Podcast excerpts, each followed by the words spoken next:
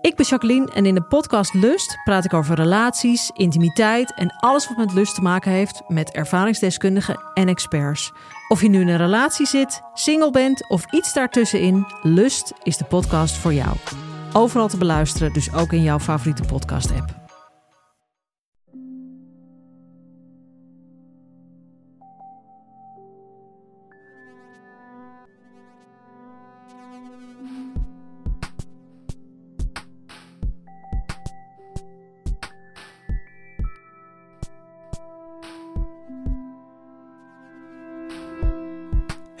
Dit is Relaas en ik ben Pieter. Jij weet wat wij doen bij Relaas ondertussen. Wij verzamelen waar gebeurde verhalen en die verhalen worden verteld door de mensen die ze zelf hebben meegemaakt. Elke maand organiseren wij een vertelavond in Gent of in Antwerpen en daar vertellen vier mensen een verhaal in een live intieme setting. En elke week krijg je in deze podcast één van die verhalen. Het verhaal van Wouter start op het moment in zijn leven dat hij een zware klap krijgt. Maar kijk, daar hoeft niet altijd kommer en kwel van te komen. Een paar lekkere garnaalkroketten kan ook.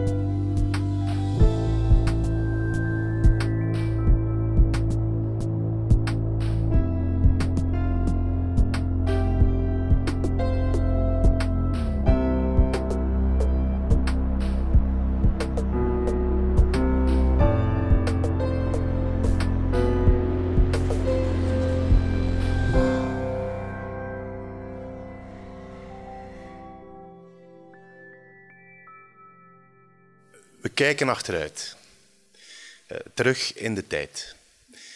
Ik spreek over een moment eh, in mijn leven, nu ongeveer bijna twaalf jaar geleden, Eh, nieuwjaarsochtend. Het is zo dat ik de avond ervoor met mijn vriendin een fantastische avond had beleefd. hè. Het was een van de meest onvergetelijke avonden in ons bestaan. Eh, we hadden onze voornemens vernieuwd. Eh, we gingen het nog beter doen het jaar erna. We gingen eh, tijd maken voor elkaar. We gingen reizen en we gingen zelfs misschien nadenken over een kindje. Op nieuwjaarsochtend om tien uur word ik gewekt met, door mijn vriendin en die vertelt me dat ze ermee wil ophouden.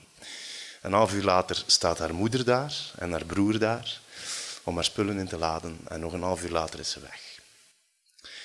Als klap op de vuurpijl is het ook zo dat ik eh, die nacht in mijn zattigheid ook nog een keer mijn gsm heb laten stelen. Dus tegen de middag zit ik daar verweest, moederziel alleen, afgesneden van de wereld. Eh, op nieuwjaarsdag, eh, in een compleet uiterste van wat de avond ervoor was gebeurd. Goed, dit verhaal dat ik jullie vanavond ga vertellen, gaat niet verder in deze lijn. Ik ga dat al zeggen. Dus ik ga jullie niet langer vervelen met alle, allerlei eh, triestige, amoureuze toestanden.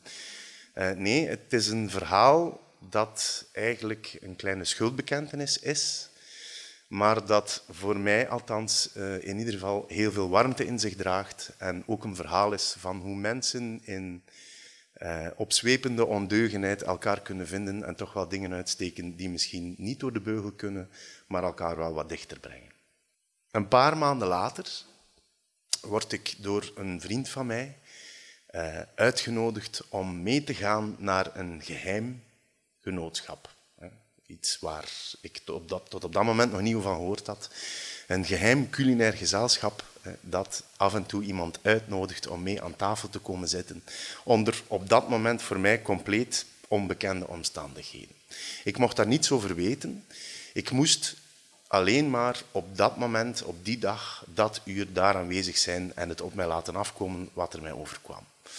Het resultaat is dat ik die avond eh, aan tafel heb gezeten met een twaalftal, veertiental mensen.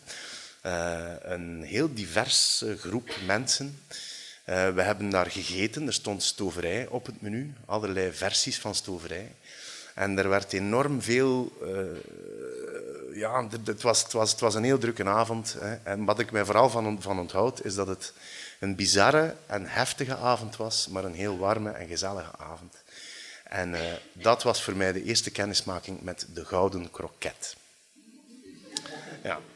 Nu, eh, die vriend van mij die wist ook dat ik mijzelf niet zo lekker voelde. Hè, na wat er hè, met, op nieuwjaar gebeurd was en zo. En die dacht van, hè, je hebt iets nodig, hè, kom je mee naar de kroket. Hij wist ook dat ik een enorme liefhebber ben van eten en een enorme amateur van koken ook. Uh, en dat beviel mij, dat gezelschap. En ik werd weer uitgenodigd en na de derde keer mocht ik zelf ook mee koken aan de tafel van de Gouden Kroket. Nu, ik zal jullie wat meer uitleg geven over wat de Gouden Kroket eigenlijk is. Het is een geheim genootschap. Hè. Dus alles wat hier verteld wordt, blijft binnenskamers, alstublieft. Uh, het is zo, de Gouden Kroket is eigenlijk, bestond op dat moment een aantal jaar. En het is eigenlijk ontstaan met een weddingschap. Op een vrijdag namiddag zaten ze op de vrijdagmarkt en hadden, de ene had wat vis gekocht, de andere garnalen. Ze hadden dan wat rodenbachs op en ze waren aan het stoeven tegen elkaar. Ik kan de beste garnaalkroketten maken. Nee, ik kan dat. En wel, het is goed, had er een gezegd. We komen samen, we maken allemaal een garnaalkroket, we proeven die en we geven punten op de vorm, de smaak, de presentatie hè, en we kijken wat eruit komt en we zien wie er eraan wint. En uiteindelijk bleek dat een van de diepvries van Deleuze gewonnen heeft. Eh, voilà. Dus dat, dat, vertelt ook veel over de identiteit van dat gezelschap. Het is een gezelschap dat het, vertelt gemakkelijk. En we vertellen daar ook graag over, dat is een geheim genootschap. Hè. Het heeft ook een volledige structuur in zich. Hè. Er is ook een voorzitter die altijd een speech houdt. En die moet dan ook volledig onderuit gehaald worden, want hij mag zijn gsm niet afzetten. Hè. Dus die moet dan zoveel mogelijk gestoord worden met een gsm. Uh, er, is, uh, er, zijn de leden die allemaal hè, voltallig aanwezig zijn en die uh, je kiest dat zelf, maar je mag iets koken. Elke maand is dat een ander thema. Dat kan van alles zijn. Dat kan dus een gerecht zijn, zoals stoverij. Maar dat kan ook een ingrediënt zijn, zoals witloof of asperges. Of dat kan zelfs een kleur zijn of een ander abstract gegeven. Dat kan van alles zijn. Um, er zijn ook nog andere mensen aanwezig. Er is een archivaris aanwezig. Dat is iemand die het archief bijhoudt. En wat houdt dat in? Eigenlijk is elke editie een onderlegger waar alle punten op staan. Dus iedereen die punten gekregen heeft op zijn gerecht, dat wordt allemaal bijgehouden en, in en geclasseerd in dat archief. En dus we hebben een archief van ondertussen 16 jaar, dat iedere editie meereist. Die man is ook in het echt archivaris en hij amuseert zich daar rot mee. Dus die heeft elke keer een valies mee met dat archief erin. Er is ook een afgevaardigde van de pers, dus uh, die is ook aanwezig. Uh, dus die, uh, die, die laat haar haviksoog vallen op andere zaken waar wij dan naar kijken. Er is ook een kok in het gezelschap die dan in alle anonimiteit de gerechten die thuis zijn voorbereid afwerkt. Hè, want het is ook de bedoeling dat dat allemaal anoniem op tafel wordt gezet, zodanig dat je natuurlijk hè, objectief punten zou kunnen geven. Um, wat is er nog?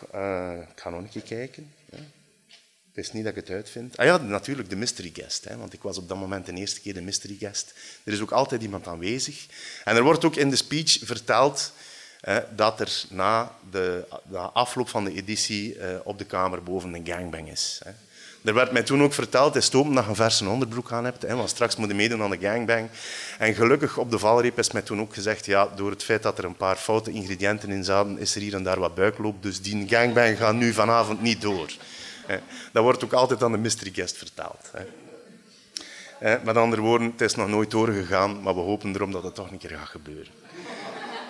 Nu, aan het einde van de avond, er, zijn, er is dus van alles geweest van gerechten. Iedereen heeft geproefd. We breken het ook graag af, want het is nooit zo goed als uw eigen gerecht.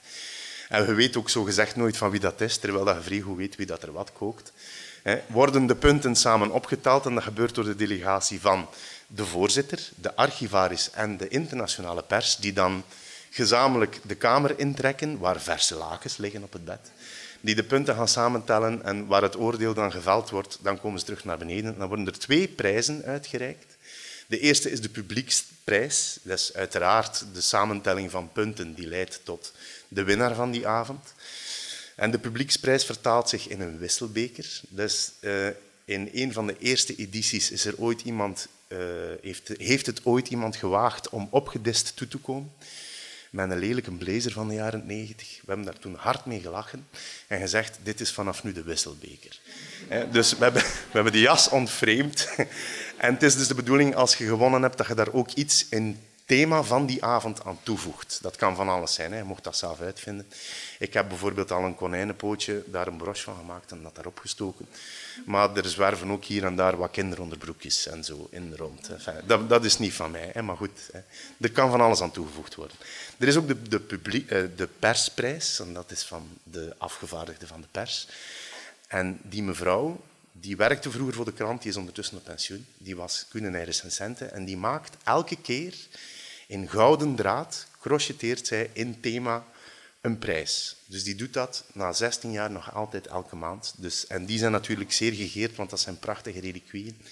En iedereen wil er natuurlijk zoveel mogelijk van de die winnen. De, de wisselbeker laten liever aan een ander over. Maar goed, dat is dus uh, niet in een notendop, maar wel een hele grote vloot, hè, wat de gouden kroket eigenlijk inhoudt. En uh, wat ik zo fantastisch vind aan dat gezelschap, is dat het eigenlijk een ongelooflijk divers publiek is. Want voor het moment dat ik dat net omschreef, hè, dus het, het, het, breekpunt met mijn vriendin toen, kende ik mijn eigen wereld en ik kende vooral de mensen die ik kende vanuit mijn vakgebied en mijn vrienden van vroeger. En plots viel ik in een gezelschap terecht van mensen dat ik totaal niet kende. Een archivaris, eh, een journalist en, weet ik veel wat allemaal. Mensen die van langs alle kanten kwamen. En ik had er alleen maar een warm gevoel bij. Ik voelde me daar thuis. Ik vond dat fantastisch. En dat is het nog altijd. En ik zal u ook geen geheim zijn dat in dit uh, zogezegd ernstig geheim gezelschap, dat er heel veel zelfrelativering heerst. En dat er heel veel commentaar geleverd wordt op elkaars gerechten, maar eigenlijk de liefde schuilt in de gerechten dat we voor elkaar presenteren. En we gaan altijd naar huis met een warm gevoel. Um, we hebben al ontelbare, uh, uh, heerlijke, aangename edities gehad. We hebben er ook een paar hilarische gehad. Maar er is ook één onvergetelijke. En daar wil ik toe komen vanavond. Um, het speelt zich af in Oostende. Nu, ik moet misschien nog iets vertellen van op voorhand, want het vertelt gemakkelijk en graag. Hè. Dus we vertellen er graag over. En mensen worden ook graag warm om daar een keer bij te zijn of zo. Dat wordt wel al een keer gezegd en we kiezen er altijd iemand uit. Nu, er was één iemand die wij van in de wandelgangen kenden en die nam dat zeer ernstig op. En die vond dat dat toch wel, zij moest daarbij zijn. Die, die, die wou echt indringen in dat gezelschap. Dat was iemand die nogal graag bij de high society hoorde en zo. En die vond van zichzelf dat hij daar echt uh, deel van moest uitmaken. En dus die had al een aantal keer de voorzitter erop aangesproken en gezegd wanneer mag ik dan een keer bij die gouden kroket komen. En we hadden dan naar elkaar gekeken en daar ook over had ze van, wat is dat met die, die, neemt dan nu, die mag wel een keer komen eten, maar het is nu ook niet... Hè. Maar die nam dat zo ernstig en die bleef die vraag maar stellen, dat we plots in een gezamenlijk moment van luciditeit gezegd hadden, nou, wat is goed, je mocht uw ingangsproef doen. Dus, wat is er gebeurd? Hè? Er, is een, er is een moment afgesproken en een plaats van de daad. En dat was, uh, zij stelde voor in Oostende. Uh, want in Oostende was er een appartement van haar onkel met zicht op zee. Dat was een prachtig appartement. Als dat dat kunnen bekomen, dat dat daar kon doorgaan, dat ging alleen maar vlees aan het been zijn voor haar lidmaatschap hè, uh, te, verzilveren.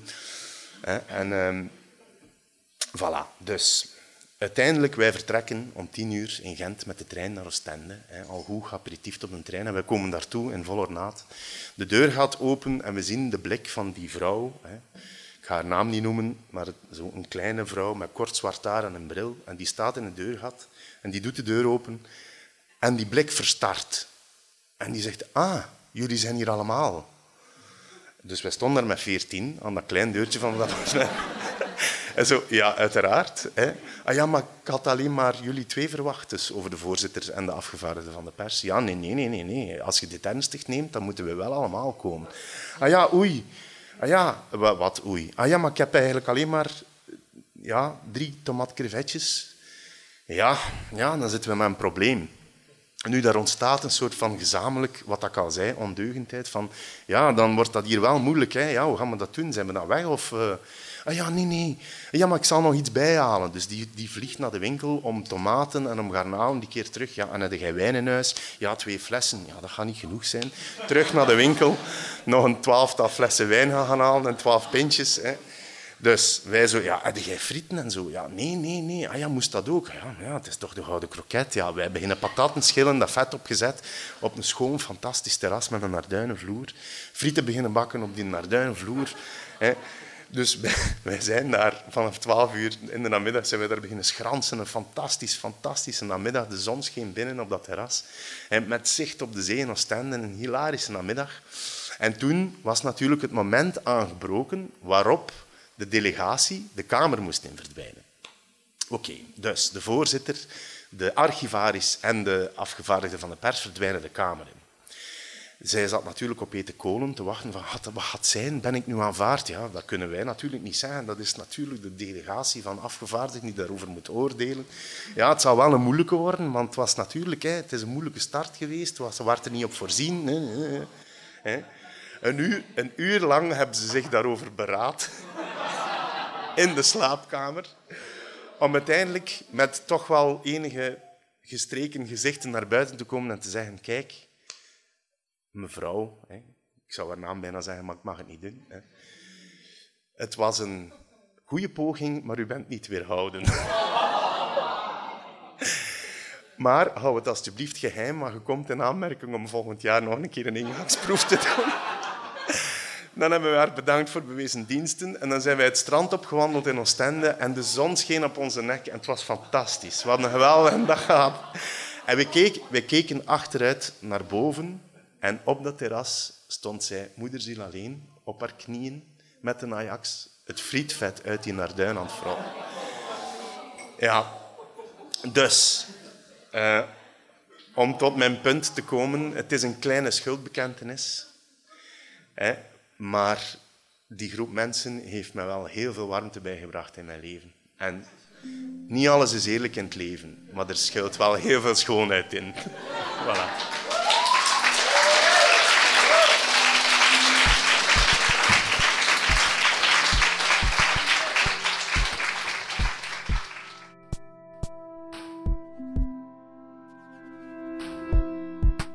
Dat was het relaas van Wouter. Hij heeft het verteld in Huzet in Gent. Dat was in november van 2018.